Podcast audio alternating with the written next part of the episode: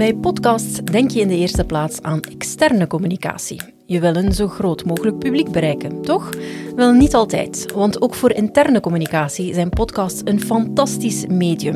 Alleen hoor je daar niet zoveel van. Logisch natuurlijk, ze zijn intern. Maar vandaag hoor je bij uitzondering wel over die interne podcasts. Mijn naam is Mij van Wallegem en dit is Luistervink, je wekelijkse gids over podcasts en audio on demand voor jouw content, marketing en communicatie.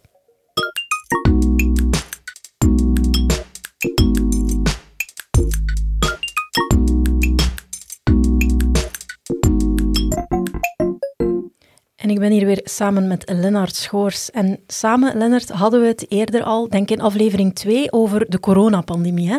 Ja, klopt. Ja, we zijn met z'n allen aan het thuiswerken, aan het telewerken geslagen. Ja, je weet het wel, met meetings via Zoom, Microsoft Teams.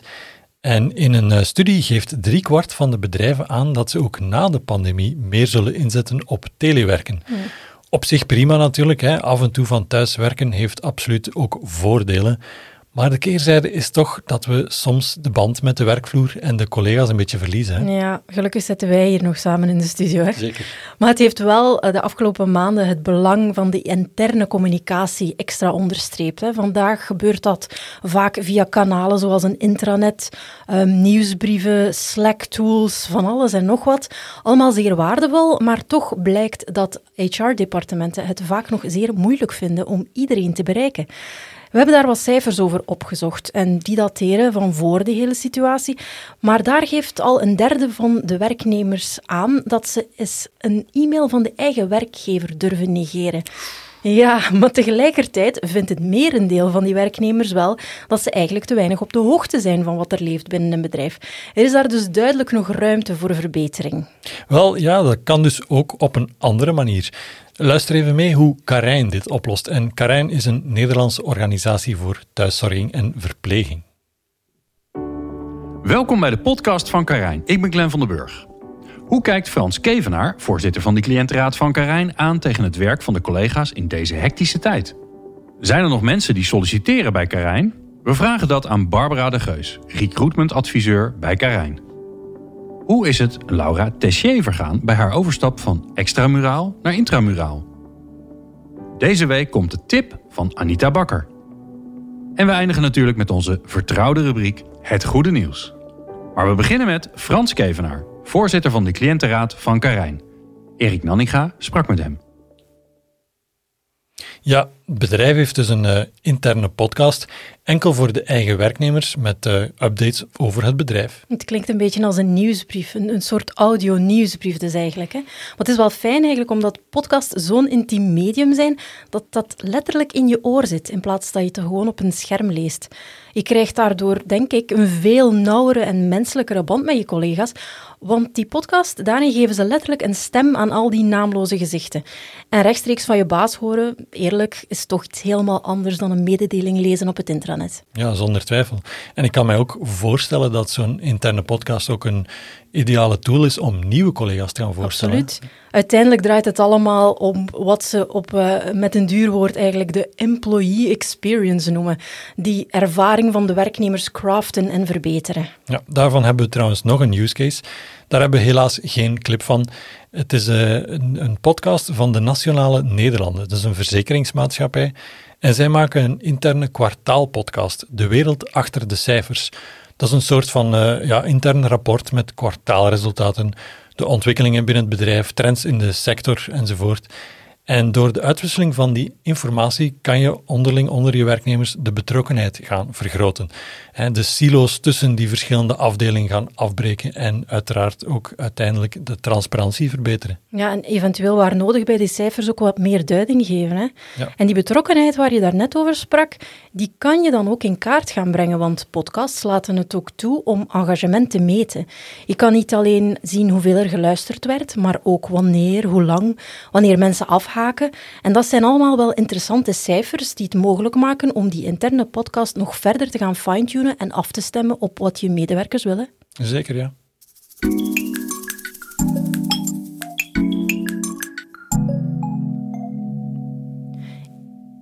Een van de grootste uitdagingen voor het personeel van bedrijven en organisaties is dat er heel veel informatie moet worden verwerkt. En dat gebeurt momenteel vooral via schermen. We kijken allemaal ettelijke uren per dag naar het scherm. Bij ons is dat niet anders. Nee, zeker. Um, maar je kan dus moeilijk vragen aan mensen om nog meer te gaan lezen, nog meer video's te gaan bekijken. Mensen zitten al ganse dagen in videocalls nu met corona. Dat komt er nog eens bovenop. Dus is het wel een goed idee, denk ik, om te gaan diversifiëren. Een podcast is daar ideaal voor, want je luistert wanneer je wil en je kan die ook perfect gaan combineren met andere activiteiten. Het kan dus ook een ideale invulling zijn voor een aantal verloren momenten. Een kleine break, een wandelbreak. Um, tijdens het pendelen kan je ze luisteren. Of zelfs nu bij thuiswerk kan je als bedrijf je werknemers gaan aanmoedigen om bijvoorbeeld even een frisse neus te halen en ondertussen te luisteren naar een update of een opleiding te volgen. Heel veel mogelijkheden daar. Ja, en op die manier zijn podcasts ook een heel inclusief medium, want ja. Als je personeel hebt dat niet achter een bureau of een computer zit, denk maar aan uh, een winkelbediende, uh, mensen die vaak op de baan zijn bijvoorbeeld, ja, je kan die toch gaan bereiken, want iedereen heeft tegenwoordig wel een smartphone of een tablet. En tegenwoordig kan zelfs de simpelste smartphone perfect om met podcast. Ja, en dan heb je altijd bij. En soms leidt zo'n interne podcast, uh, die we dan altijd bij hebben en graag naar luisteren, ook tot een perfecte opportuniteit om extern te gaan communiceren. Zo is er de case van het welbekende e-commerce bedrijf Coolblue. Die hadden al heel wat interne video-updates en zo, maar nu ook een podcast, de Coolcast. En terwijl ze die aan het maken waren, wilden ze daarvoor ook nog een themalied maken. En toen gebeurde dit. Shout out boys in blue.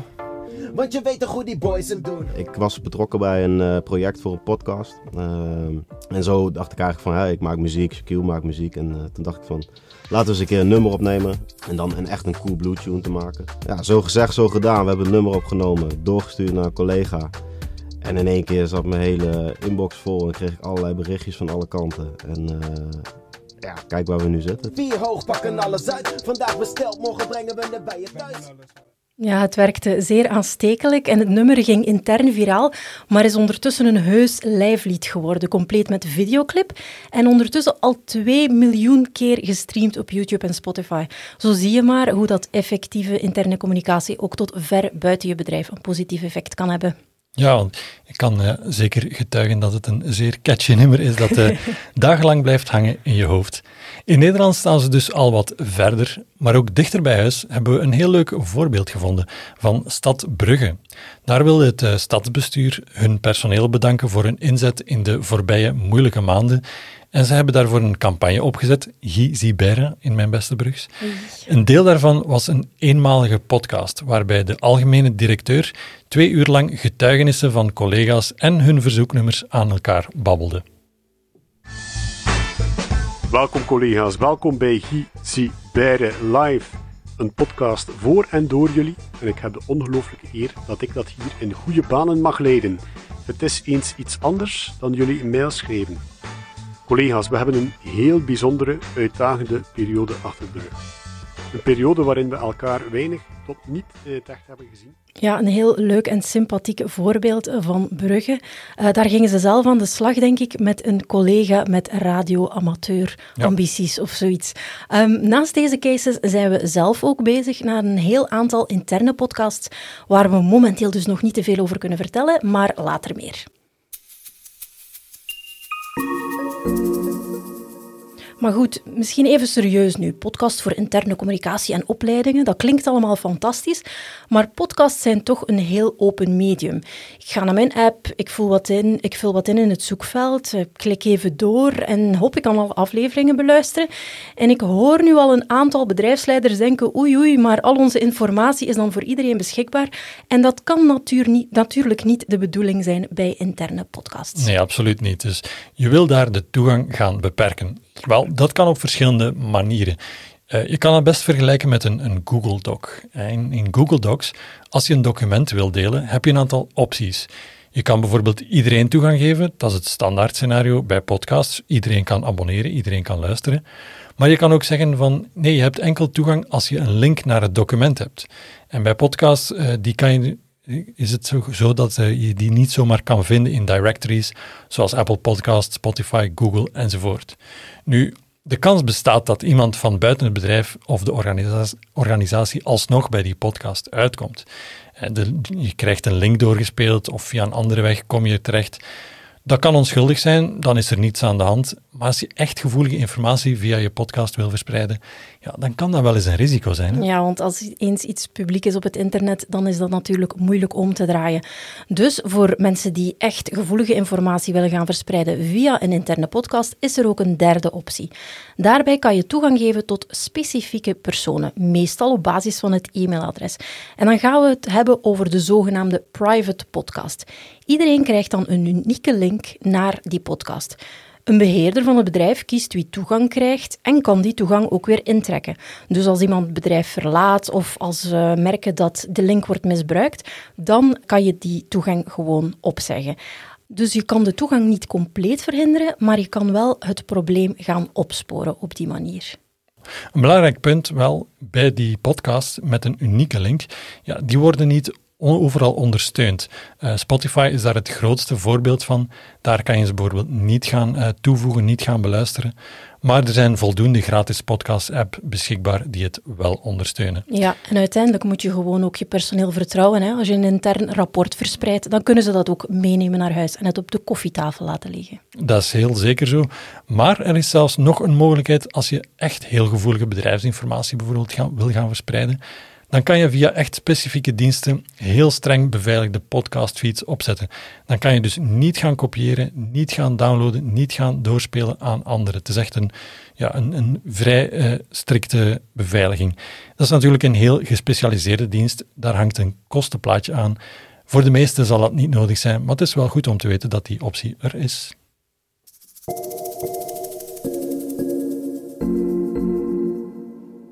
Echt veel of uitgebreide cases van interne podcasts kan je niet zo meteen vinden. Uh, maar we hebben wel een aantal inspirerende voorbeelden gehoord vandaag. Hè? En uiteraard zijn er nog veel andere toepassingen. Ik denk bijvoorbeeld aan de onboarding van nieuwe werknemers of een audiotour waarbij je zelf door het uh, bedrijf loopt volgens een bepaalde route en ondertussen uitleg krijgt of zo. Ja, je merkt het, hè, podcasts zijn dus zonder twijfel een heel interessant nieuw kanaal voor de interne communicatie van je bedrijf of organisatie.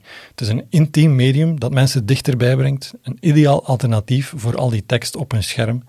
En dus ook voor mensen die niet de hele dag aan een bureau zitten. Kortom, ja, het perfecte kanaal om te gaan informeren, inspireren en motiveren. Ja, wij, wij geloven er heel hard in. En het feit dat podcasts voor interne communicatie kunnen gebruikt worden, geldt zeker niet enkel en alleen voor grote bedrijven of gigantische doelgroepen. Je hoeft helemaal geen multinational te zijn om te starten met een interne podcast. Voor elk budget zijn er wel mogelijkheden. En wil je daarmee aan de slag gaan, laat het ons zeker weten en dan denken we samen met jou verder. Je kan ons iets laten weten via luistervink.link. Daar vind je meteen ook alle informatie om je te abonneren op deze podcast en reacties te sturen. De show notes kan je zoals steeds ook daar lezen. Volgende week zijn we er terug. Tot dan.